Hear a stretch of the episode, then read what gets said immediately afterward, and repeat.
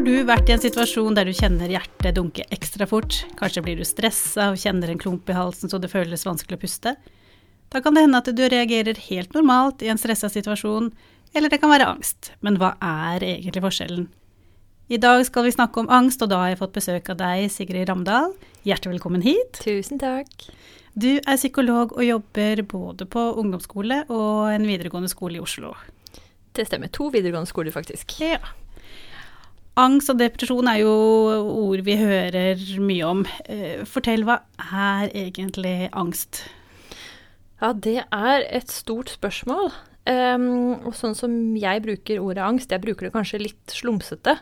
Uh, men det er jo fordi at det er sånn glidende overgang da, mellom det som er veldig sånn normale, vanlige reaksjoner som alle har, uh, og på en måte reaksjoner som henger seg litt opp, som kanskje blir litt for mye. Eh, som man har litt for ofte, og at det blir plagsomt at det går utover livskvaliteten. Det er ikke noe sånn liksom absolutt skille mellom de to. Det er på en måte sånn kontinuum, som vi kaller det, da. Sånn ja, glidende overgang, rett og slett.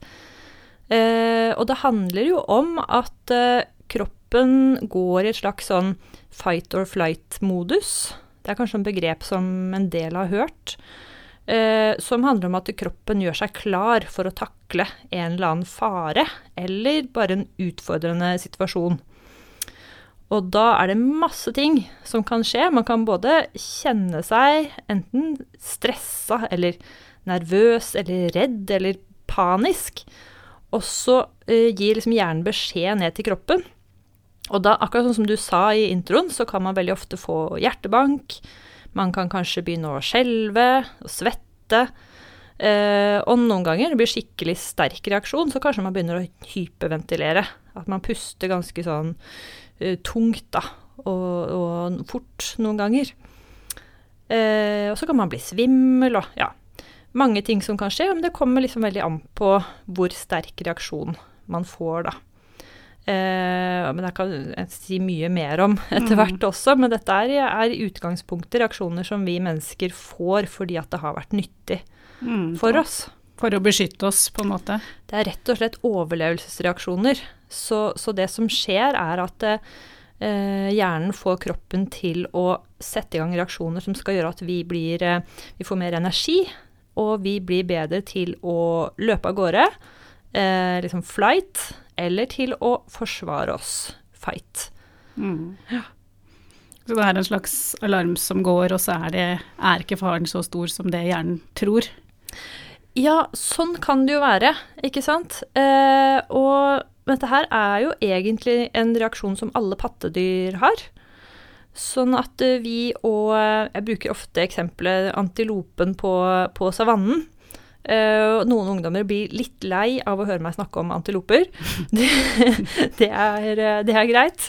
Men er, jeg syns det er et liksom fint eksempel å ta. Fordi at alle har liksom sett sånne naturfilmer på TV der antilopen står og spiser gress og slapper av og har det fint med flokken sin.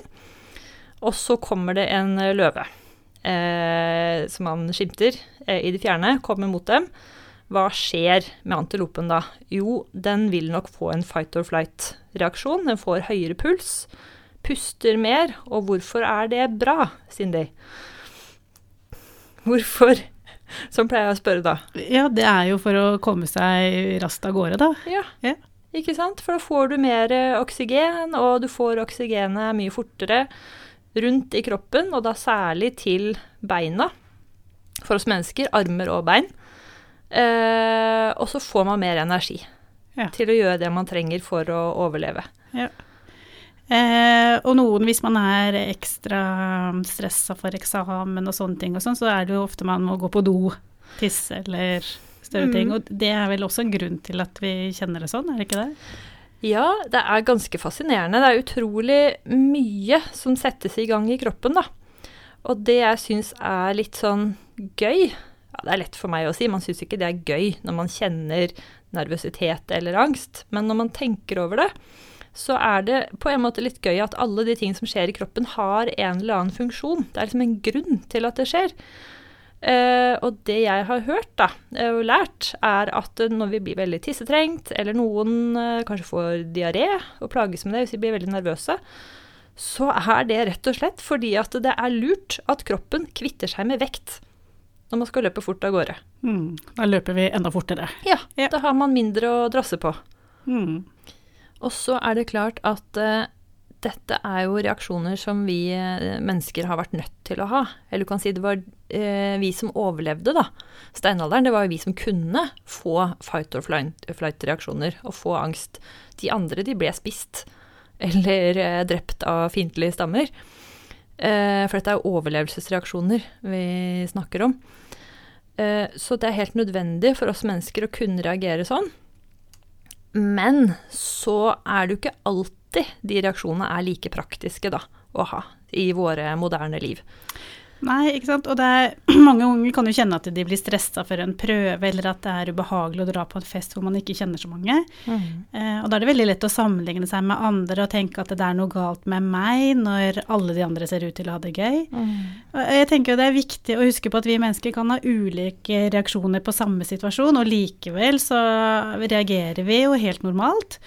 Eh, noen kan f.eks. være veldig sjenerte og kanskje introverte uten at det er snakk om sosial angst. Eh, men når er det Du sa litt om det eh, i sted, når man tenker at det kan være form for angst og ikke bare normale reaksjoner. Men da Dette her er jo mye normale reaksjoner vi snakker om. Absolutt. Og hvis vi tar det med sosial angst, da. eh, For nå har vi snakka mye om det å håndtere fare. Eh, og så er det nok også, har vi nok også med oss det fra steinalderen at vi er veldig sensitive for om andre godtar oss og liker oss. Hun kan tenke at hvis man i steinalderen ble utstøtt av flokken sin, da, da var man død. Hadde Ja. ikke sjans til å klare det. Så vi er også programmert til å eh, være veldig sånn bevisst på om de andre liker oss eller ikke. Ja. Og så kan vi også få rett og slett, sånn fight or flight-reaksjoner eh, når vi blir usikre på det, da. Eh, og så kan man bli veldig selvbevisst og begynne å liksom følge med på sånn åh, hvordan framstår jeg nå? Og det jeg sa der i stad, det var jo ikke noe særlig bra. Eller det var det ingen som syntes det var gøy. Å begynne liksom å evaluere seg selv eh, og holde på sånn. Og akkurat som du sier, Cindy, så tenker jeg at dette kan alle kjenne igjen fra en eller annen sammenheng. At man kan bli litt, eh, hva skal vi si, sosialt nervøs. Tror jeg alle har kjent på. Hvis ikke, så, så ljuger de, Mm. sier nå jeg. Um, og det er helt naturlig. Og så igjen så er det litt sånn glidende overgang hvis det blir et stort problem. Hvis du kjenner veldig mye på det, eh, og det plager deg, og kanskje gjør at du ikke drar på fest, da. Eh, ikke det må være et problem å ikke dra på fest, men hvis det er det du vil, og så gjør du det ikke fordi du gruer deg og blir nervøs, eller det blir veldig vanskelig å snakke med andre på skolen, eller det blir vanskelig å rekke opp hånda eh, i klassen, og det liksom begynner å hindre deg i å gjøre mange ting, så, så er det jo Kan vi begynne å kalle det sosial angst, da. Mm. Eh, men for de som sliter med det, som jeg snakker med, så sier jeg at dette er ikke liksom noe helt annet enn det alle kan kjenne på, men det er bare at du har mer av det. Men hva slags behandling finnes det for, for ungdom med, med angst? Det mm, Ja, det, igjen så kommer det jo veldig an på hva slags type angst er det vi snakker om her, og hva kommer det av. Men hvis det er noe som liksom har hengt seg opp litt, f.eks. litt sånn sosial angst som kanskje gjør at man Si at du får det så ubehagelig hvis eh, læreren spør deg i timen om noe, at du får sånn kjempesterk fight or flight-reaksjon av det, og du kanskje ikke klarer å være i timen. Um, da har det liksom hengt seg opp litt, og da kan man både eh, jobbe med Altså, det er noe vi kaller sånn kognitiv atferdsterapi. Eh, Hva betyr det? ja, nå så du, rynka du bryna litt her. Ehm, kognitiv er jo tankene, da, og atferd er jo atferd. Så det handler mye om, egentlig litt sånn som vi snakka om nå, at man får en del informasjon om hva er disse angstreaksjonene. Fordi mange blir jo veldig redde for sine egne angstreaksjoner. Så det er liksom det første. At man må på en måte få vite litt mer, så man slipper å være så redd for hva som skjer i kroppen. Mm. Og vite at dette er egentlig kroppen som prøver å, å hjelpe meg, da, selv om det ikke kjennes sånn ut.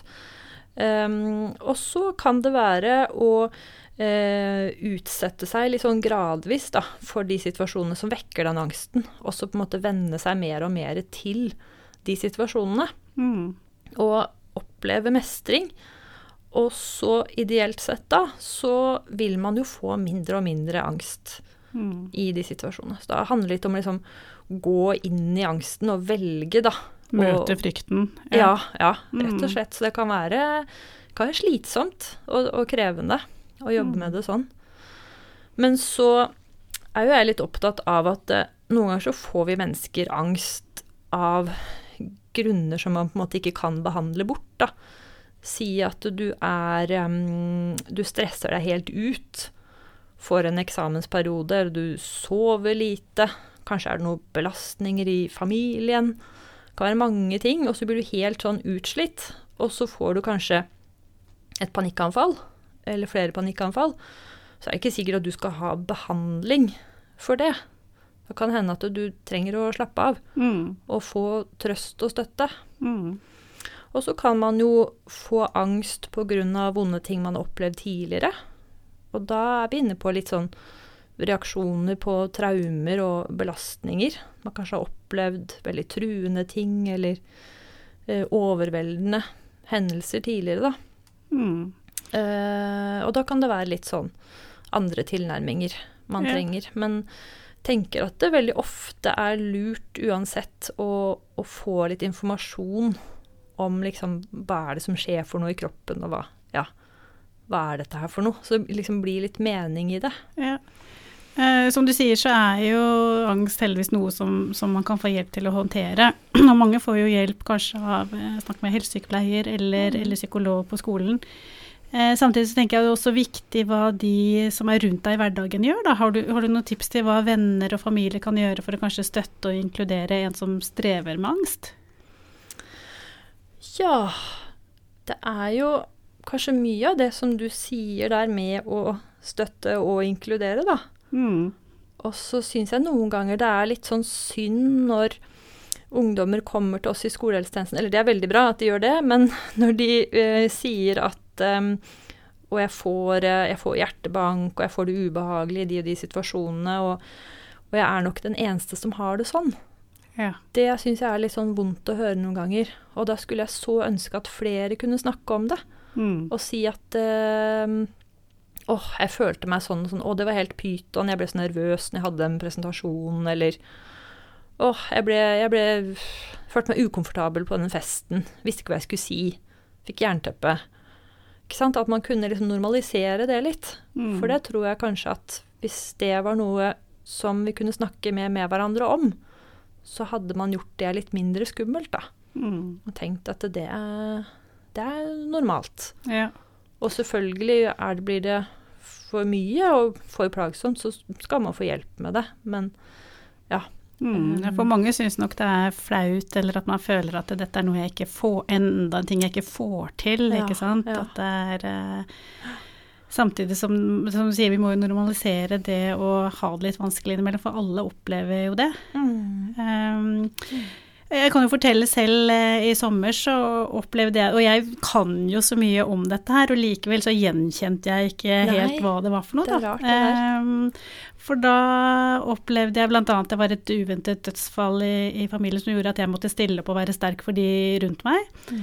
Eh, men så fortsatte jeg likevel å jobbe som vanlig. Eh, og etter hvert så kjente jeg at det begynte å stramme seg veldig sånn øverst i bryst og halsen, og jeg syntes innimellom det var litt sånn vanskelig å puste. Og en dag så trodde jeg virkelig at jeg ikke fikk puste, og det var jo superubehagelig. Eh, og jeg forsto etter hvert at dette kanskje var et panikkavfall, da. Og i tillegg så hadde jeg noe veldig rart. Jeg hadde sånn eh, konstant følelse av å ha noe bakerst på tunga som jeg ikke fikk bort. Og det var så ubehagelig at jeg til og med gikk til fastlegen da, for å spørre liksom, kan du bare ta bort, kan du bare skrape bort det jeg har bakerst på tungen. Og, og legen sa jo at jeg ser ikke noe, jeg tror dette her er psykisk, det handler sikkert om stress. Og så sa han jo noe til meg som fikk meg til å, til å begynne å le, fordi at han sa til meg at eh, har du prøvd å puste rolig og dypt tre ganger etter hverandre? Og dette er sånn typisk råd som jeg kan gi til andre som sliter med, med lignende ting, da. Og i tillegg så var det en venninne av meg som, som, også er fastlege, da, som forklarte meg, akkurat som du sier, det, det, hjelper å vite om disse tingene, forklarte at det er stress som har forplantet seg, som gjør, strammer disse musklene, pustemuskulaturene, sånn at det er helt reelt det jeg kjenner. Mm, Um, men jo mer jeg visste om det, jo mer klarte jeg å slappe av. Ja. Og i tillegg så pustet jeg så ofte jeg kunne rolig, ja. og så hjalp det å, å, få ferie også. Ja, ikke sant. Um, og for meg så var jo det en tydelig grunn til at kroppen reagerte som den gjorde. Mm. Og hvis jeg nå kjenner sånn at tungen begynner å krølle seg litt, så jeg, blir jeg jo litt sånn redd for at åh, nå kommer det igjen. Mm. Eh, samtidig så vet jeg at nå, det, nå, prøver kroppen å fortelle meg at uh, nå må jeg roe litt tempo mm. ned i, i, livet mitt. Og jeg tenker jo det er noe fint at kroppen forteller meg dette her, da. Ja. Eh, men dette var kanskje et slags panikkanfall, da, eller en type angst, eller hva, hva, tenker du om akkurat dette tilfellet, Sigrid? Ja, men du har jo analysert det veldig godt ja. uh, sjøl. Det, og, og, jeg tenker som deg at noen ganger så, så, får vi angst fordi kroppen prøver å si fra om noe. Mm. At eh, hei, hei, denne situasjonen her er ikke grei for meg. Eller eh, nå er det for mye, rett og hmm. slett. Og, og noen ganger så kanskje vi da kan og må ta grep. Ikke sant? Nå må jeg fjerne én ting, nå gjør jeg altfor mye. Jeg får aldri slappe av. Og andre ganger kanskje vi ikke kan få endra på noen ting. Og da må vi kanskje bare si til eh, kroppen takk for at du gir meg beskjed, og så må jeg dessverre bare holde ut dette her eh, litt til. Og få gjøre så godt jeg kan for å ta vare på meg sjøl. Før jeg kan få, få hvilt litt mer. Og så kan det jo være litt sånn som du sa, Cindy, at man noen ganger kan liksom begynne å kjenne litt etter. Fordi at Nettopp fordi angst kan være sånn faresignal, da. At man begynner sånn Å, å, er det noe hjertebank her nå? Uh, og nå merker jeg litt grann det knyter seg litt til brystet. Og noen ganger så kan jo det på en måte sette i gang angst også. Og da er vi inne på det med at angst kan bli sånn selvforsterkende. Mm, angst for angsten. Ja, ikke ja. sant. Og så går liksom signaler opp til hjernen, da, ikke sant, fra det man kjenner i kroppen. Og så blir hjernen litt stressa og gir beskjed ned til kroppen igjen om at å, å, å, nå er det noe på gang her. Og så begynner kroppen å lage enda mer reaksjoner, og så kan du liksom komme inn i en sånn loop, da. Så, så det som er liksom viktig da, er å er lett å si, da, men å, å, prøve å liksom bare Ja, ja, jeg legger merke til det. Det er registrert. Takk skal du ha, kropp. Det er greit. Og liksom bare la det gli over, på en måte, da. Hvis mm. man kan. Mm. Og prøve å ikke stresse seg opp over sine egne reaksjoner. Mm. Og, og, det er litt sånn viktig. Ja, som du nevnte i stad, at det kan føles som at man ikke får puste. Mm. Og det er veldig rart, men når vi har angst eller er stressa og nervøse, og vi blir sånn anstrengt i pusten, så får vi så å si alltid nok luft. Ja, det går automatisk. Ja, vi får egentlig mer oksygen enn en det vi, vi trenger. Så kan vi bli litt svimle, men det er heller ikke farlig. Mm. Det føles som at man ikke får nok luft, men, men, det får man. Veldig ubehagelig, men ikke farlig. Det tenker jeg er viktig ja. å huske på. Ja. ja. Mm.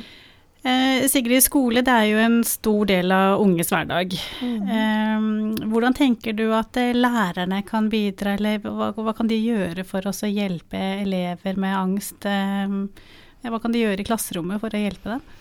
Det er masse de kan gjøre. Uh, utfordringen er selvfølgelig at de har veldig mange elever de skal se og være der for. Men det er mange, mange lærere som er veldig flinke til det, da, å se alle. Så først og fremst så tenker jeg at de kan være støttende og bidra til å normalisere litt, sånn som vi snakker nå, og vise at det ikke er noe rart eller flaut å bli nervøs eller, eller få angst eller få panikkanfall.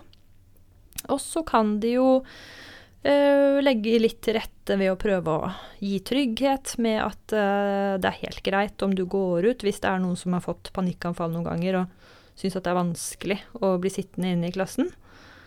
Og ofte så tenker vi sånn Det kan være lurt å liksom ikke flykte fra situasjoner der man får angst. Men hvis du får veldig panikkanfall inne i klassen og kanskje begynner å gråte og sånn, så tenker jeg det er helt, helt naturlig mm. at man da føler for å gå ut. Så kanskje bare få den tryggheten på at det er greit, at man kan ha styringa litt sjøl. Mm. Og så kan det være sånn hvis man gruer seg veldig for å være i klassen, og det vekker utrygghet å være inne i klasserommet, så er det f.eks. det med alltid å ha klassekart, eh, der alle elevene vet hvor de skal sitte. Eh, hvis det er en liten utrygghet der noen kanskje blir redd for å prøve å sette seg ved siden av noen og få høre at nei, det er opptatt, eller at alle liksom ser på hvor du skal gå og sette deg hen og sånne ting, så tenker jeg bare, bare lag klassekart at lærerne tar litt styring mm. over det. Og noen tenker at nei, det er for barnslig når de går på videregående. Jeg tror det er veldig, veldig lurt, rett og slett. Mm. Um, så jeg tror lærerne kan gjøre mye for å forebygge uh, utrygghet også for de som, som sliter mye da, med, med usikkerhet og, og, kanskje sosial angst. Mm. Um, og hvis noen har det vanskelig med å rekke opp hånda eller holde presentasjoner, så kan uh, læreren lage litt avtaler med den eleven. Og det trenger ikke å bety sånn nei, du skal aldri uh, si noe høyt. Um, det kan også være sånn la oss lage en plan for hvordan du kan øve deg i ditt tempo. Kanskje skal vi avtale uh, neste samfunnsfagtime. Så avtaler vi et spørsmål jeg kan stille og så kan, eh, og så kan du rekke opp hånda, og så svarer du på det. Og så mm. vet du svaret på forhånd, mm. f.eks. For ja, for det handler jo også om å få en følelse av mestring og få gode erfaringer på at det faktisk går bra. Det er akkurat det. Så, um, så jeg tenker at det er egentlig ganske mye læreren og skolen kan gjøre. Mm. Nå har du jo gitt oss noen tips eh, allerede, men, men sånn helt til slutt, Sigrid, har du noen flere tips eller verktøy som man kan gjøre for å takle dette angst og angsten og, og stress som en del av hverdagen? Altså hvordan kan vi klare å regulere følelsene våre og håndtere ulike vanskelige utfordringer? Oi, ja det var ikke, var ikke noe lite spørsmål, det der. Um, ja Nei, det er jo Jeg, jeg syns jo det er viktig å lytte lytte til følelsene sine og det man opplever i kroppen. Eh, men ikke at vi trenger å liksom lage noe katastrofe ut av det, ikke sant? Fordi noen kan bli sånn Å, skal vi drive og lytte så mye innover? Og at det kan bli sånn overdrevet. Og det kan det jo selvfølgelig. Men når du kjenner på ting som er skremmende eller ubehagelig eller vanskelig, så, så liksom gi deg selv litt sånn Ja, nå kjenner jeg på dette her. Og noen ganger så betyr det, som vi var inne på, at man må liksom ta noen grep i livet sitt. Og andre ganger så kanskje man bare trenger å prate med noen. Få litt, få, få litt utløp for det man mm. kjenner på. Få mm. litt trøst og litt sånn bekreftelse på at åh, oh, nå kjenner du på det her. Det er ikke noe stas. Og noen ganger man kanskje må, må si sånn til seg selv at ja, takk eh, kropp, og takk hjerne for at dere eh, prøver å kommunisere til meg. Beskjeden er eh, mottatt. Og så får man ja, ta en avgjørelse på hva, hva som er best for en sjøl å gjøre videre. Tusen takk for eh, veldig kloke ord. Eh, takk for at du kom, Sigrid. Tusen takk for meg. Uh, og hvis du kjenner deg igjen i noe av det vi har snakket om i dag, så, så ta en prat med noen om det. Uh, og et lurt, sted, et lurt, sted, å starte er f.eks. hos uh, helsesykepleier på skolen, der du går, eller på helsestasjon for ungdom. Mitt navn er Cindy Engmark Sandvold, det tekniske var ved Helle Midtbø. Helle og Cindy har også hatt det redaksjonelle ansvaret.